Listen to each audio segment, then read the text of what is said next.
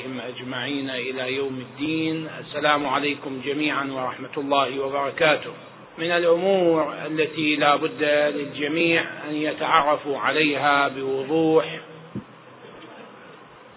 هي نوعية العلاقة فيما بين الإنسان وخالقه تعالى وأنها كيف لا بد أن تكون وعلى أي طابع تتطبع. الشيء الذي تدلنا عليه الدلائل العقلية والفطرة التي فطر الله تعالى الناس عليها أن يكون التلقي عبر الوسطاء الأمناء. وهذا ما هو المعمول عليه فعلا منذ أن كان أبونا آدم على نبينا وآله عليه السلام وإلى أن جاءت نبوة نبينا الأعظم صلى الله عليه وآله وسلم والذي يسعدنا أن نحتفل في هذا اليوم بذكرى ولادته الميمونة. فنجد أن الطريقة الإلهية التي اختارها الله عز وجل لعباده في أن يعبدوه وأن تكون طريقة تعاملهم وفقها هي بعثة الأنبياء وإرسال الرسل. وفق شروط معينة. وهذه الشروط ليست بالعسيرة إلى درجة بحيث لا يمكن لأحد أن يستوعبها.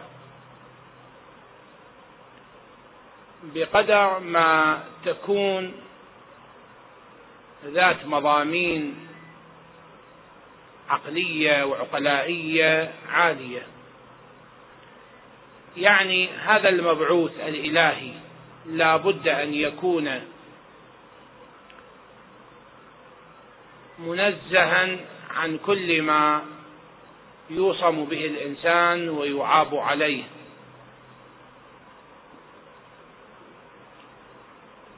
باعتبار أنه لو كانت في الإنسان المبعوث أية حالة سلبية بحيث تعاب عليه وينتقد عليها لأدى ذلك إلى عدم الاستجابة له.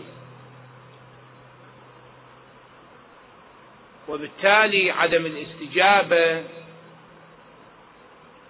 يعني نقض الغرض والذي هو ببساطة أن هدفا ما كان من أجل إرسال هذا الرسول أو بعثة هذا النبي وهذا الهدف سوف يتعطل ولا يحصل باعتبار أنه الشخص المكلف بالأداء. ما كان مقبولا. وهنا تبرز عندنا حالة وهي أن هذه الشروط هل هي شروط جمال أو كمال جسماني أو انتماءات أو ماذا؟ في الواقع هذه الشروط إنما هي بمقدار أن يكون الإنسان المبعوث مؤهلا من الناحية الاجتماعية بحيث لا يكون في نسبه أية حالة تعاب على مستوى المجتمع الإنساني. وتعلمون أن العلاقة غير الشرعية بغض النظر عن أن يكون الإنسان منتمي إلى حالة دينية معينة أو لا يكون منتميا. العلاقة غير الشرعية بين الرجل والمرأة مما يعاب على الإنسان فعلها. ولذلك نجد حتى في تاريخ الشخصيات العالمية كرؤساء الدول والحكومات عندما يكون الترشيح والإعلان عن البطاقة الشخصية فيذكر في تاريخ بعضهم أن له ولدا أو بنتا غير شرعي أو هو كان غير شرعي. هذا موجود والنماذج عديدة وعندنا شواهد كثيرة على ذلك. هذا ماذا يعطينا؟ يعطينا أن الحالة الشرعية التي أعطاها الله عز وجل للإنسان في تنظيم علاقته مع الأنثى ما كان أمرا بعيدا عن الذوق أو بعيدا عن الحالة الطبيعية وإنما هو الشيء الصحيح والدليل على ذلك أن هذه المجتمعات التي هي لا تنتمي إلى الحالة الدينية بصدق ربما يكون هو منتمي للكنيسة بحسب بعض الاعتبارات ولكنه بعيد. هذا ما منع أن الذين يقيمون فعله ويصفونه يقولون عنه أنه كان بهذه الصفة. إذا الشيء الذي يتصل بموقع الإنسان في الدنيا من حيث وجوده هل أنه كان نتيجة طفرة معينة أو ضمن تسلسل طبيعي هذه من أهم القضايا التي تؤخذ في سجل الإنسان. لذا نجد أن الذين بعثهم الله تعالى كأنبياء ورسل وكانت القائمة طويلة لتصل إلى 124 ألف نبي وهناك رسل أولي العزم بمعنى أن رسالتهم كانت عالمية شاملة بحيث تغطي مساحة واسعة. نوح إبراهيم موسى عيسى محمد صلوات الله عليهم أجمعين وعلى آل محمد. فهذا فهؤلاء كانوا يمثلون في وجودهم الامتداد السماوي أو الامتداد للإرادة الإلهية من خلال أوسع مساحة ممكنة في تبليغهم وتوعيتهم للمجتمع. وبغض النظر عن الخصوصيات فقط أردنا أن نذكر أن هالقائمة الطويلة إذا نلاحظ من خلال التاريخ وأتصور أن الحضور الكريم آه، مهتمين بهذا الجانب لا أقل بعضهم على ما أعرف أنه الدورة تشمل آه، جانب التاريخ والتربية الإسلامية. فاللي عنده اهتمام خاص أو اهتمام عام ثقافة عامة يمكن أن يقع في التاريخ سواء على صعيد ما ورد في القرآن الكريم أو كتب التاريخ بمستوياتها المتعددة. لا نجد أن أحدا طعن على نبي من الأنبياء طبعا من معانديهم من مخالفيهم. طعن على نبي من الأنبياء بأنه كانت عنده مشكلة في هذا الجانب. مشكلة نسبية. إطلاقا هذا الأمر ما موجود. وإنما كانت هناك إشكاليات آه، موهومة بالنسبة إلى أدائه بالنسبة إلى جماعته. يعني يبدأون الجماعة آنذاك يبحثون عن قضايا هامشية. تبعك أرادلنا. جماعة اللي داير مدايرك مو ناس معروفين كلش ناس بسطاء في المجتمع وأمثال ذلك. الشاهد أنه هذه أول نقطة في قائمة الشروط. النقطة الأخرى ألا تكون لديه ما يعبر عنه حديثا بالسمعة المخلة بالشرف أو بالآداب العامة بحيث ما عنده في يوم من الأيام موقف سيء على مستوى سرقة على مستوى آخر فما عنده لا مشكلة في خلقه كما كانت النقطة الأولى أصل وجود الدنيوي ولا عنده مشكلة في أخلاقه جانب الخلق والخلق. وهذا ما يعطي مجالا واسعا في تفاعل الناس مع أدائه ومع بيانه. لأنه لو لم يكن كذلك لرفضه الناس. شو يريد يحكي يقول إلى أنه أيها الناس لا تسرقوا إذا هو أكو في سجله فد مشكلة من هذا القبيل يقولوا له أنت أول مرة علم نفسك. إذا يقول إلى أنه الحالة الفلانية مو صحيحة سين من الحالات نفترض يقولوا له أنت ليش ما طبقت؟ وأمثال ذلك. إذا لا يمكن أن تكون هناك حالة تبليغ وبعثة إلهية على مستوى التمثيل وهو متصف بهذه الصفات.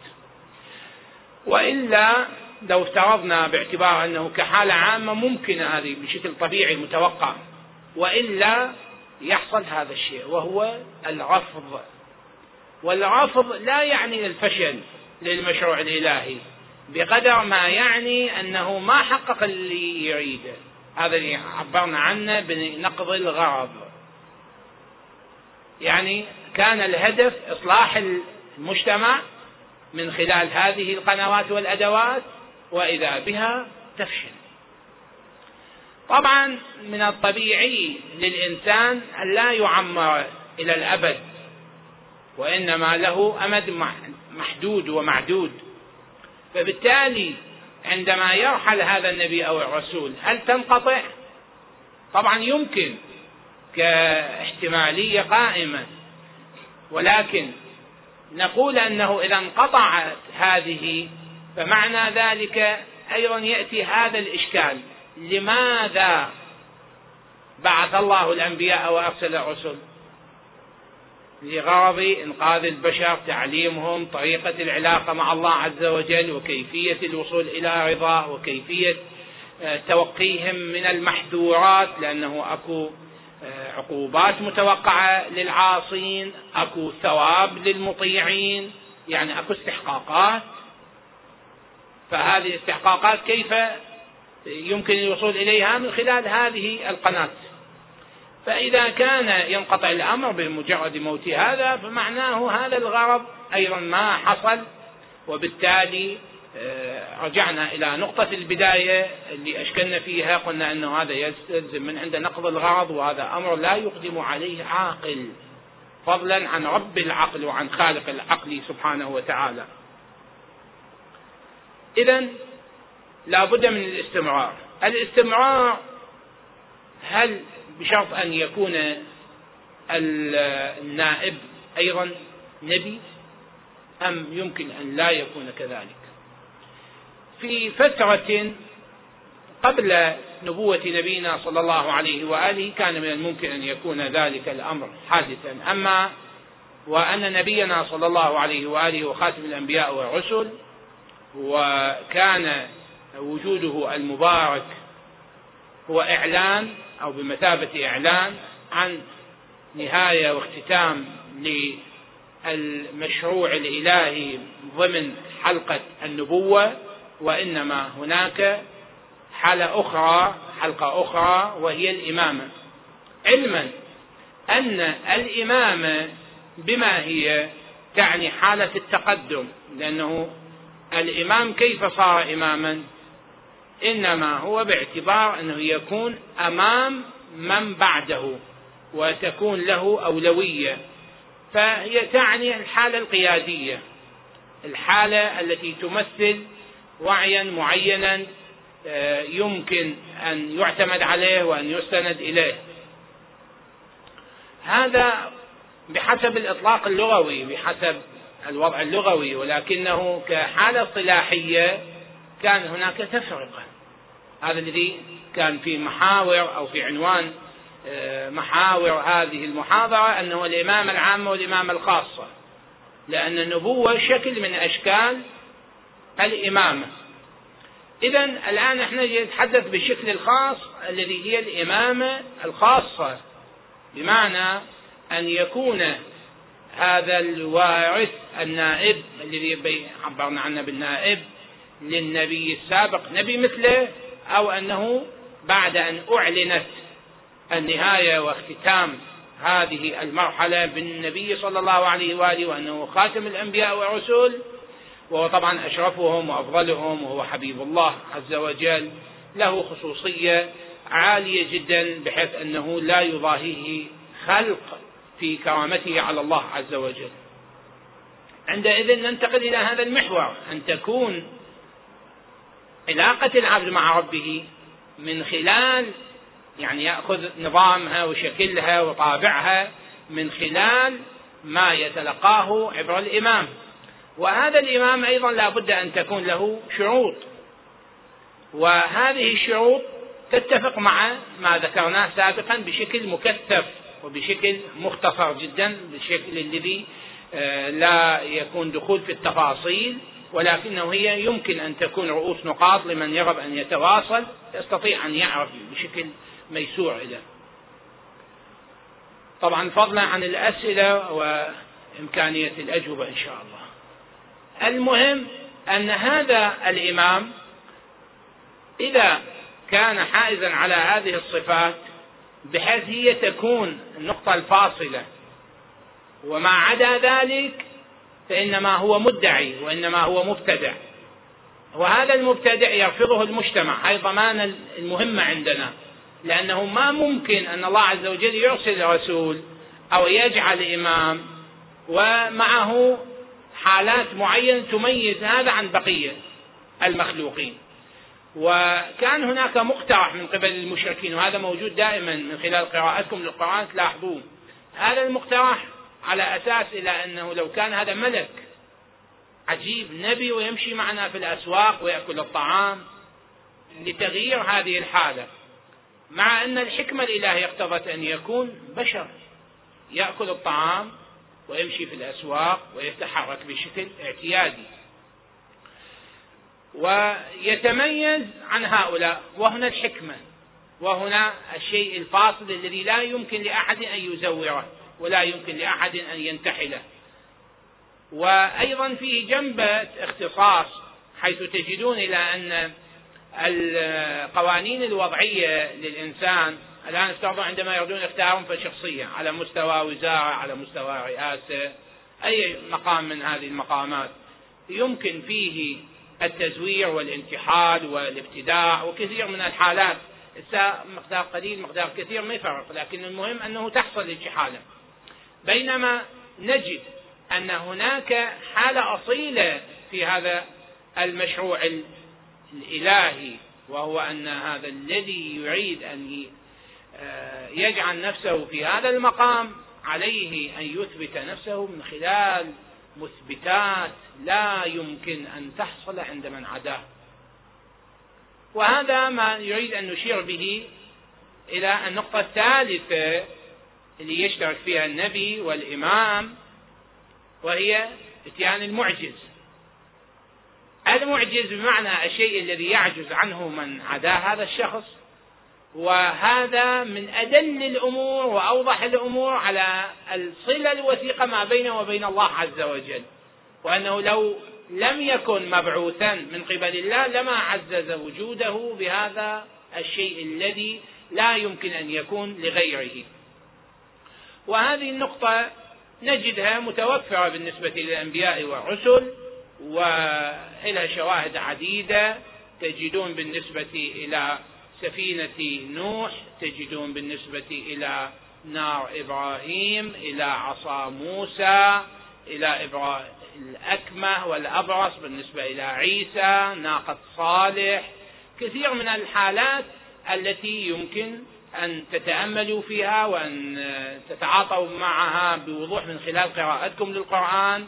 على فكرة هذا الأمر يعطيكم أكثر من نقطة غناء بالأثناء يعني يغني الإنسان معنويا يشعر أنه في حال قراءته للقرآن هو يكون أقرب إلى الله عز وجل ويقرأ نص مقدس.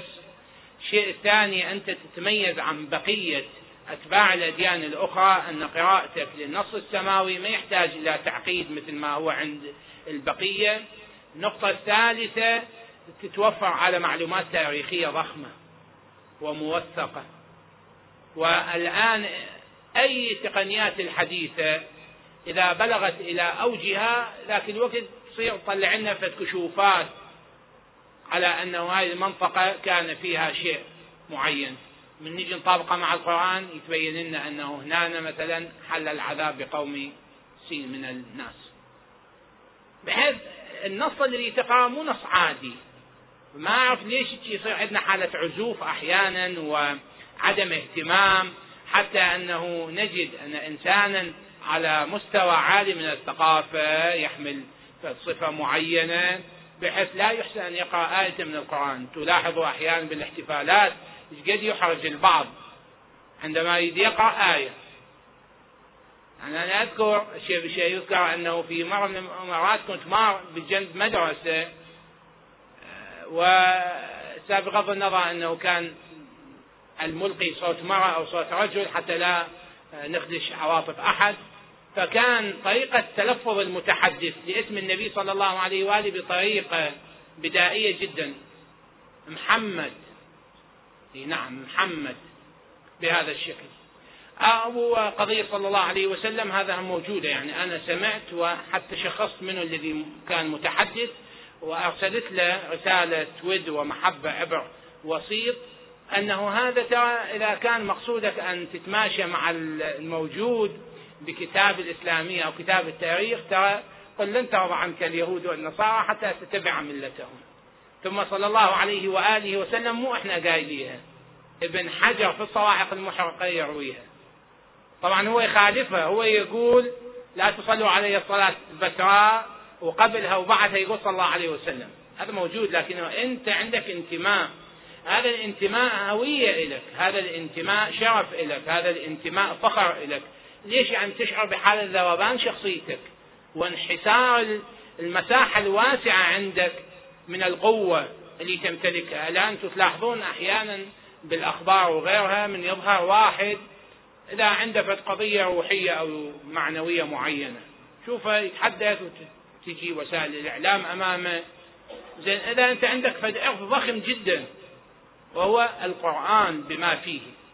المهم أنه نقطة رابعة في هذا الصدد أنه كتاب عندما يحدثك وكان عندنا النقطة السابقة من ناحية تاريخية هذا عندما يحدثك تستفيد منه آه، في تصحيح الكثير من الأمور. يعني ينظم لك علاقتك مع الله عز وجل من خلال الأحكام الشرعية من خلال القصص اللي تدخل في إطار الموعظة وأيضا من خلال الحكمة. الحكمة عن ذلك الكلام الذي إذا ما تأمل فيه المتأمل يجد فيه قيمة من القيم الإنسانية بحيث لا يخفضه أحد. ادعو إلى سبيل ربك بالحكمة والموعظة الحسنة. هذا الآن وين ما تعرضه وين ما آه، تحدث فيه ماكو أحد يرفضه اللي يرفضه يأشر على أنه هو عند خلل في الموضوع. بالتالي هذا المعجز الذي هو من دلائل النبوة والإمامة إذا صدر من أحد كما يحدثنا القرآن إذا صدر من أحد يحدثنا طبعا بالنسبة للأنبياء هو التاريخ بالنسبة للأئمة عليهم السلام. فإنما يدل على أنه هذا الشخص هو مبعوث من قبل الله أو معزز بتعزيزات إلهية. لذا هنا تدخل عندنا مسألة علم الإمام نمر عليها بشكل سريع آه، وأن الأئمة كيف يحصلون على آه، علمهم؟ ما هي مصادر الثقافة إذا جاز أن نطلق هكذا عنوان؟ نقول تعليم المعصوم لمن بعده.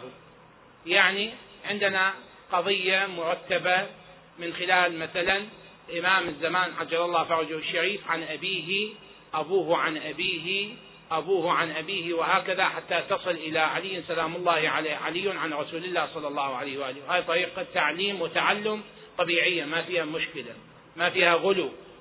وعندنا طريقة أخرى.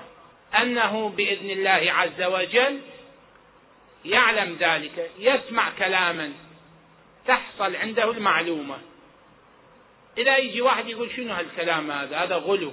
نقول طيب الآن أنت تعلم بأن بعض مراكز الأبحاث العليا على مستوى المؤسسات الحكومية الدولية العظمى يمكن هو قاعد على على الطاولة المستديرة ويحصل عنده علم بما يحدث في آخر نقطة في العالم.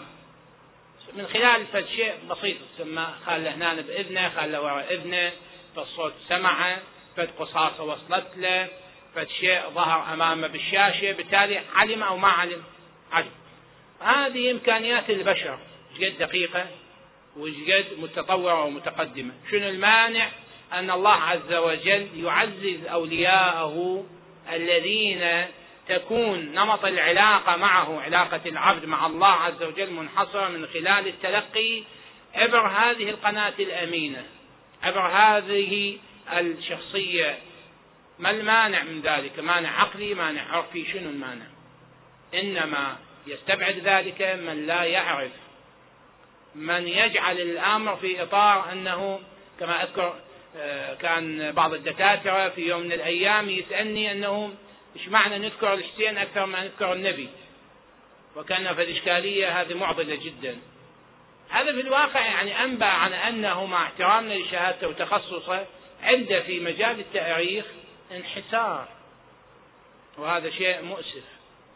باعتبار أن الحسين امتداد للنبي. أنت الآن تفكر بينك وبين نفسك. بأي طريقة من الطرق؟ شلون تتعامل مع الإمام؟ منين ما تلتفت وإذا به هو الحسين بن علي بن أبي طالب بن عبد المطلب؟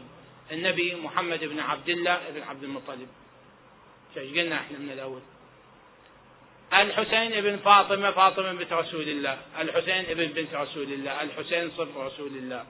الحسين ممثل رسول الله. الحسين قتل من أجل أنه يحمل مشعل الإسلام. وهكذا. يعني هناك معارضة كانت للإسلام. مش خلينا نفهم المشروع الحسيني والنهضة الحسينية؟ هناك معارضة للإسلام. يقودها يزيد بن معاوية. الحسين عليه السلام وضع حدا لهذه المعارضة.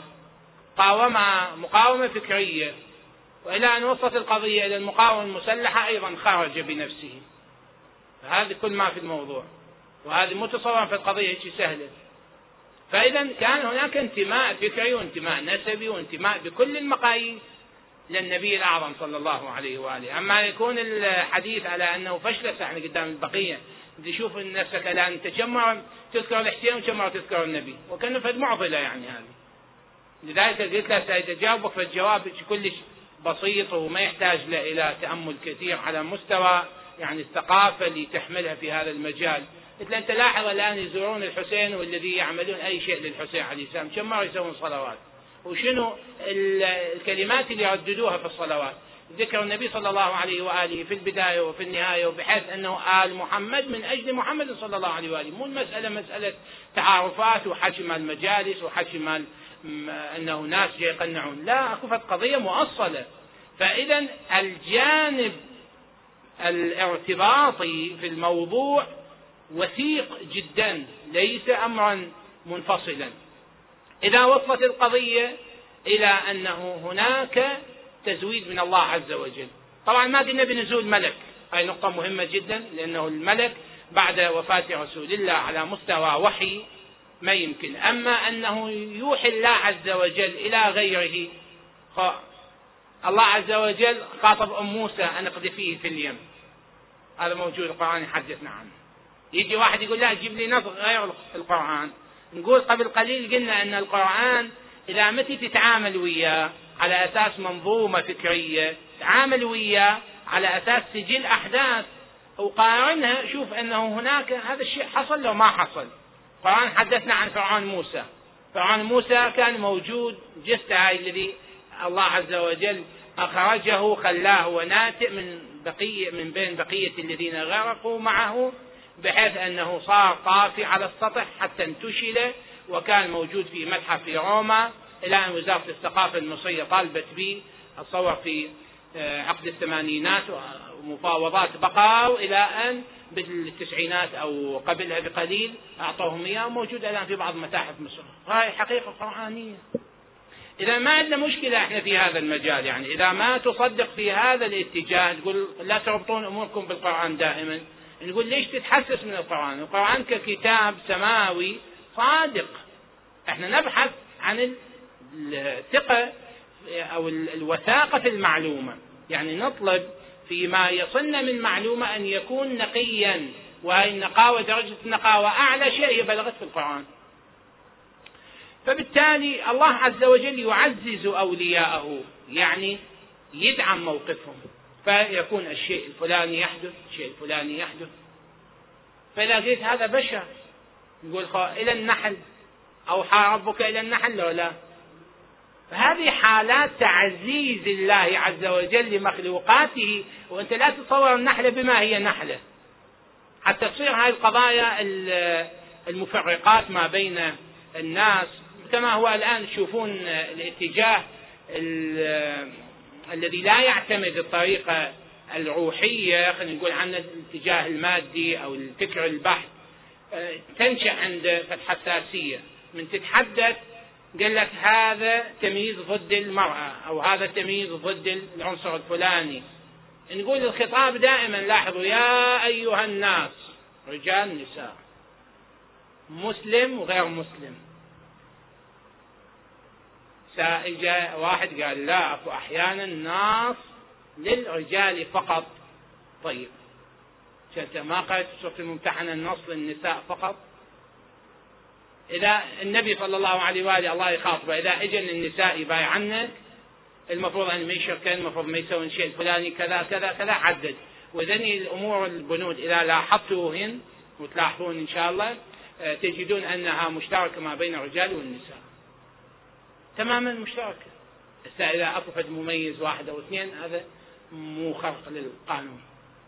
إذا ما عندنا هكذا مشكلة في تعاطينا مع الحدث وإنما نقول هذا الذي ينظم لنا العلاقة مع الله عز وجل لابد أن يكون ما عنده مشكلة في خلقه ما عنده مشكلة في خلقه ما عنده مشكلة في تعاطيه مع هذا الأمر المبعوث من أجله أو المهيأ من أجله وهو أن يكون عنده ما لا يقدر عليه غيره. ولذلك نجد أن الإمام سلام الله عليه كان آه، يتعاطى مع بعض الأحداث بحرية واسعة بعكس ما يتعاطى مع تلك الأحداث آخرون. مثلا عندما يأتي الحيوان شوف هذا مدعي الإمامة لا يستطيع أن يتحدث مع الحيوان. قضية مع الإمام عجل الله فرجه الشريف بالذات من إجاء ذاك الشخص الذي كان آه، يمثل وكيل عن الإمام العسكري سلام الله عليه ويحمل رسائل فأكو شيء موجود هذا الذي أقول دائما الله عز وجل يعزز أولياء إمكانيات خاصة غير اعتيادية يعطيها للذي يصلح من عباده. وصفوة البشرية هم ال 14 معصوم. هذول كل الذي 13 رجل وواحدة امرأة سلام الله عليها الزهراء عليها السلام.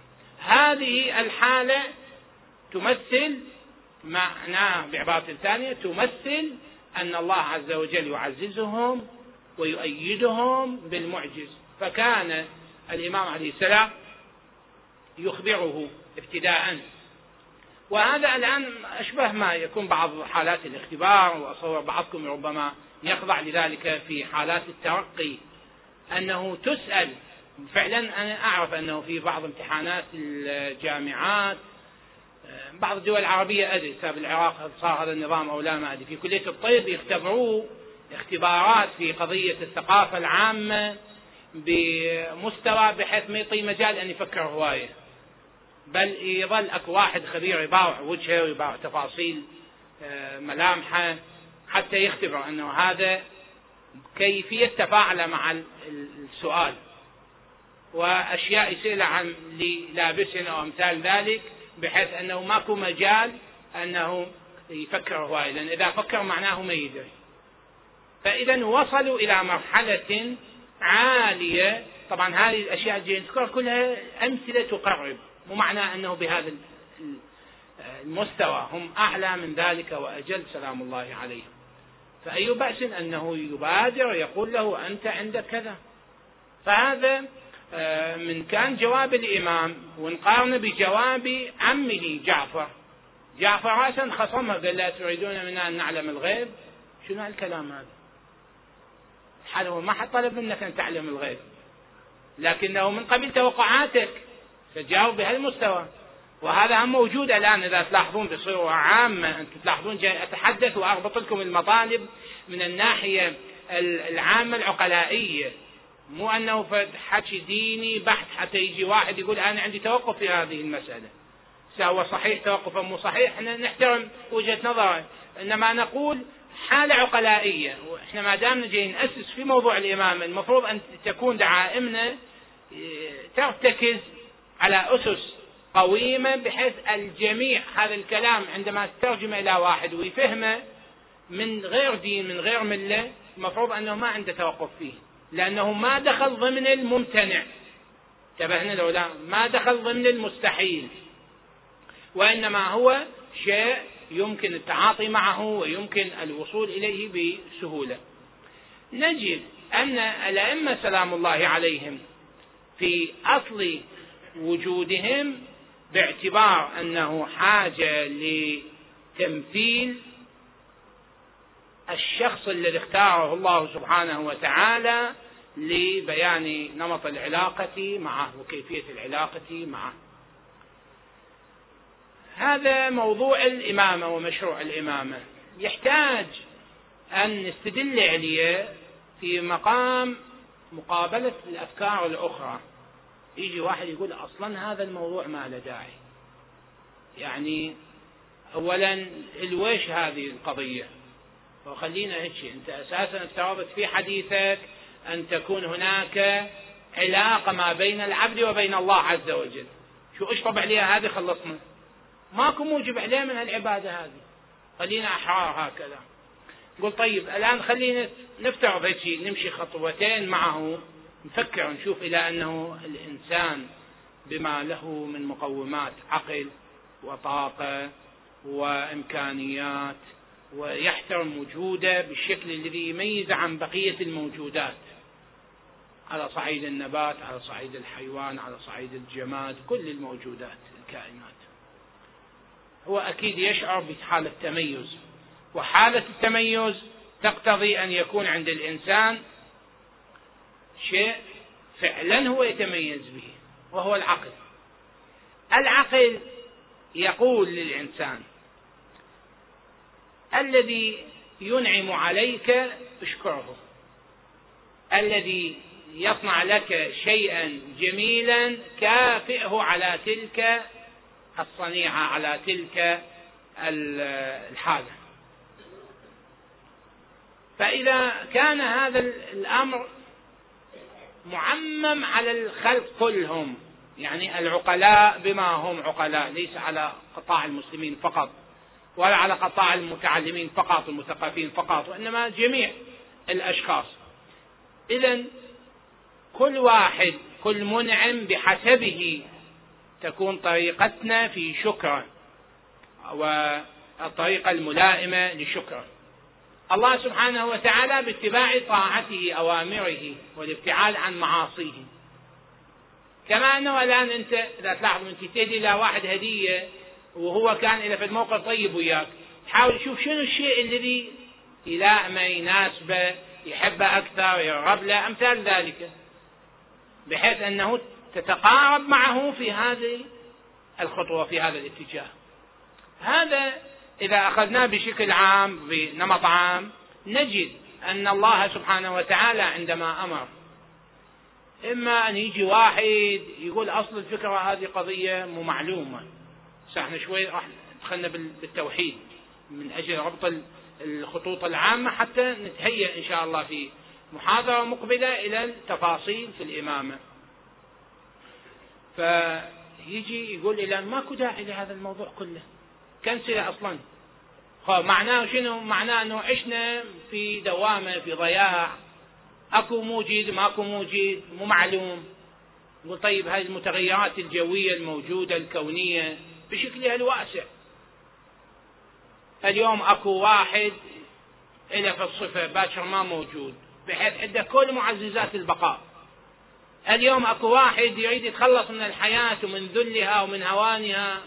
وما يقدر مع أنه هو يمتلك زمام الأمور في العالم كلها مفاصل الدنيا سياسيا اقتصاديا فكريا يمكن في بعض المناحي كلها تحت سيطرته. هو ما يقدر ملقى بالمكان الفلاني ما يقدر كل شيء يسوي لنفسه زين اذا أكو شيء موجود في الواقع مو شيء. هذا الشيء ينبئ عن أن الله سبحانه وتعالى موجود فعلا. مو المسألة مثل ما يصورون الإخوة الذي يبتعدون في هذا المجال. وهذه أفكار هي ممكن أن تكون آه، على مستوى فكري يعني مقبولة بمستوى من المستويات يعني ما الواحد يقتل وقت بها يحكي بها وإلا على أساس الشيء العملي والتطبيق إطلاقا هاي مدح الأزمة. أكو عندنا أزمة حقيقية وهذا هنا بيت القصيد كما يقولون. عندنا أزمة الذي أساسا تحدثنا قلنا أنه نمط العلاقة بين العبد والله عز وجل كيف يكون. أن الإنسان مهما امتلك من قابليات ومن قدرات ومن إمكانيات يصل إلى مرتبة يشعر إلى أنه الأمور معقدة ومعطلة ولا يمتلك الحل إلا واحد. هو مرة يقول عن الله عز وجل؟ مرة يقول الإله؟ مرة يقول الأب؟ مرة يقول عزير؟ مرة يقول فلان؟ مرة يقول بوذا؟ على كل هواية أحاديث. المادة الطبيعة الشمس القوة المادة شنو؟ أفكار كثيرة. عقل الإنسان. هذه هي بالتالي أكو حالات تشد الإنسان إلى أنه أكو واقع اذا مو قضية ضياع في ضياع مو فوضى. أكو واقع هذا الواقع ما هو؟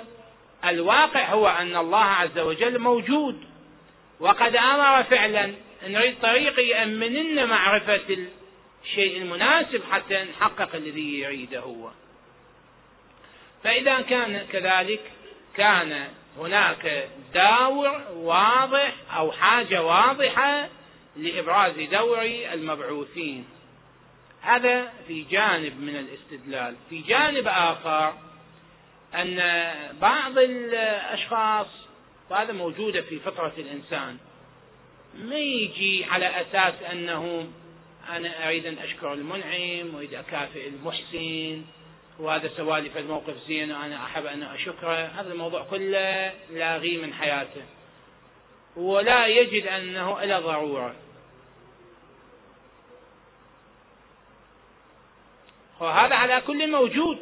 شلون نقدر نواجهه نقول أكو عندنا حالة مقابلة وهو أن هناك خوف من شيء. والشيء الذي يخاف من عند الإنسان بطبيعته يحذر من عنده. يعني تلاحظوا أحيانا يجيك خبر يقول لك أنه هذا الطريق افترض أنت جيت تسلك شارع يقول لك هذا الطريق في وسطه أو نهايته أكو فد مشكلة معينة. والذي أخبرك به أخبرك به ما تعرفه أو افترض طفل أو أحيانا ننزل إلى مستوى أنه فد إشارة بحيث مو عاقل هذا. سام ما تدري هذا اللي خلاه هنا صحيح خلاها مو صحيح قد يسوي مقلب وياك. مع ذلك من نشوف هاي الإشارة أو إخبار الطفل أو هذا الشخص المجهول إليك تقف عند ذلك وتفكر هل تستمر أو تختار طريقا آخر. ليش هذا شنو؟ خلي نعقلنها للقضية خلي نرجعها إلى جذورها وأساسها. لماذا؟ لأن هناك حذر من شيء خوف من شيء. الله سبحانه وتعالى توعد بالنار للعصاة كما وعد بالجنة للمطيعين. هاي فكرة النار ممكن أن تكون صحيحة ممكن لا تكون صحيحة. نقول الإنسان إذا أراد يناقشها الآن على هذا المستوى التفصيلي ما يمتلك كل المقومات للمناقشة. ليش؟ لأنه هي أساسا بعد ما وصلنا إلى هذه المرحلة. مرة شيء موجود حتى أقول هذا صحيح أو مو صحيح أنا أتفاعل وياه ما أتفاعل وياه أقبله أرفضه هذا ممكن. ومرة شيء هو أساسا ما موجود. وإنما موعودين به في مرحلة أخرى. عند ذلك أرفض تماما أكو احتمال راح أوصل إليه وأصطدم به وجها لوجه. فأكون قد ضررت نفسي. وأما أنه لا أوافق عليه وأتقبل الموضوع لأنه كما قال الإمام الصادق عليه السلام لذلك الإنسان الذي كان يشكك في أصل الوجود الإلهي وهو محسوب بشكل من الأشكال على المسلمين وداخل إلى المسجد الحرام فتكلم مع الإمام عليه السلام بطريقة معينة. فالإمام أراد أن يجيبه بجواب يرتكز على أسس عقلائية كأنه ينبه يقول له أنت وقت الذي شككت هذه الثوابت في الواقع أنت أنبأتنا وكشفت لنا أنه الحالة العقلائية عندك ضعيفة. يعني أنت ضيعت عقلك بهذا النقاش اللي لا يؤدي إلى شيء. الأمر إن كان كما نقول. إحنا فزنا وربحنا ونجينا كمؤمنين. وأنت بعدين من تجي لهناك في نهاية الشوط وتتعب أو بالأخير يؤمر بك إلى النار. وإن كان كما قلت إحنا ما خسرين خسارة سوينا هذا الشيء؟ أخذنا الاحتياطات. لأنه هناك توعد بالنار هناك عقوبة. من قبيل الأنواع الجوية يقولون ممكن بعد أسبوع يكون حار أو يكون برد أو تكون عاصفة. فأنت أخذت كل الاحتياطات الكافية. أمنت لنفسك ما تحتاجه خلال هالفترة المتوقعة. صارت خير على خير. ما صارت أنت ما خسران شيء. موجود هو. إذا هناك صار عندنا دفع الضرر المحتمل. مو شكر المنعم. جينا للموضوع من زاوية ثانية. استدللنا عليه بأسلوب ثاني. الضرر ولو كان محتمل يعني النسبة مو سبعين بالمئة مقابل ثلاثين بالمئة لا ربما خمسة بالمئة مقابل خمسة وتسعين بالمئة وهي كافية في أن الإنسان لابد أن يبتعد. فلا بد لنا من أن نطيع الله. الآن راح نلخص الحديث وننقط المحاضرة حتى تصير واضحة. صار عندنا حالة آه، استعداد إلى أنه نتلقى ذلك لكن نبحث عن من يعطينا هذه المعلومات. قلنا إما أن يكون النبي إن كان الإنسان في عصر النبوة أو لا يكون كذلك. الله عز وجل ما كان ليكلف الناس بشيء ويذرهم ويتركهم وإنما يجعل خلفاء لكل نبي. وبالنسبة إلى زماننا بالنسبة إلى نبوة نبينا الخاتمة صلى الله عليه وآله وسلم كانت هناك الإمامة الخاصة. الإمامة الخاصة لها مستويين من الاستدلال أو عليها مستويين آه، مستوى عقلي ومستوى نقلي. المستوى العقلي ما يعبر عنه بالضرورة العقلية. أقرأ لكم مقطعا. فإن الإمامة بما تعنيه من وجود إمام معصوم يكون امتدادا للنبي الأعظم صلى الله عليه وآله إنما يهدف من ورائها تقريب العبد من الطاعة وتبعيده عن المعصية وهذا ما يسمى في علم الكلام باللطف اللطف بمعنى أن الله عز وجل لطيف بعباده يعني ماذا؟ يعني يرأف بهم ويحميهم ويهيئ لهم كل المستلزمات للوقاية لأنه يكلف ومع ذلك لا يهيئ له الأسباب معناه القسر. يعني أنت الآن عندك طالب كنت تشرح له المادة حتى بعدين بالامتحان الطالبة بالإجابة. أما أنت ما تشرح له المادة يصير تهاون فيها بأي سبب من الأسباب. بالأخير هذا ما وصلت المادة. وبالتالي الانشغالات المنزلية مثلا أو العائلية أثرت على الالتزامات المدرسية أو المدرسات الالتزامات الأخرى فبالتالي صار التدريس بطريقة معينة. هذا الطالب اجى يتفاجئ المادة ما ماخذها وتعال انت جاوب وإذا ما تجاوب أرسبك. هذا قسر هذا من الناحية العقلية مرفوض بغض النظر هو على أرض الواقع مسوي الناس أو ما مسوي ذاك شيء آخر.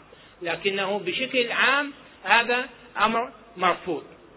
وبه اثبتوا وجوب الإمامة عقلا على الله تعالى.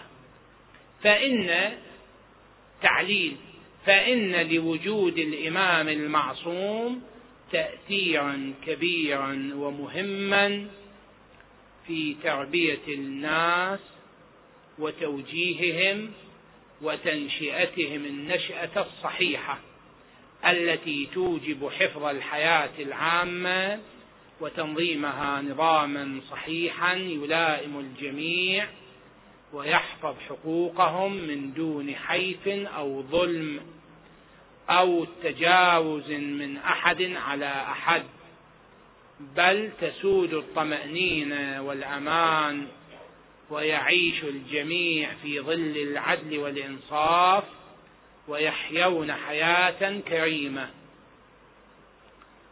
وهو ما أرادته التشريعات الإسلامية وقررته الإرادة السماوية ليتسابق الجميع في مضمار الحياة ثم يجزي الله تعالى كلا بعمله يوم القيامة.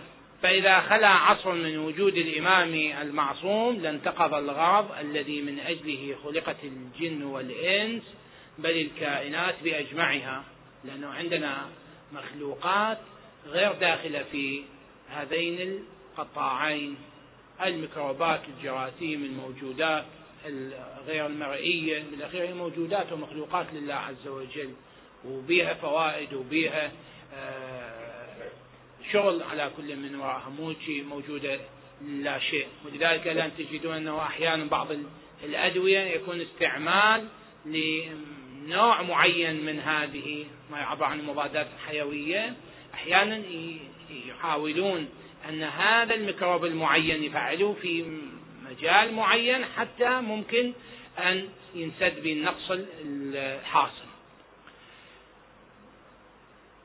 ونقض الغرض مستحيل في حق الله تعالى كما أن غير المعصوم لا يؤدي الغرض لإمكان حدوث المعصية أو السهو أو الغفلة وهو ما يوجب انكماش الناس عنه وعدم قبولهم منه فيما يؤديه إليهم عن النبي الأعظم صلى الله عليه وآله عن الله تعالى.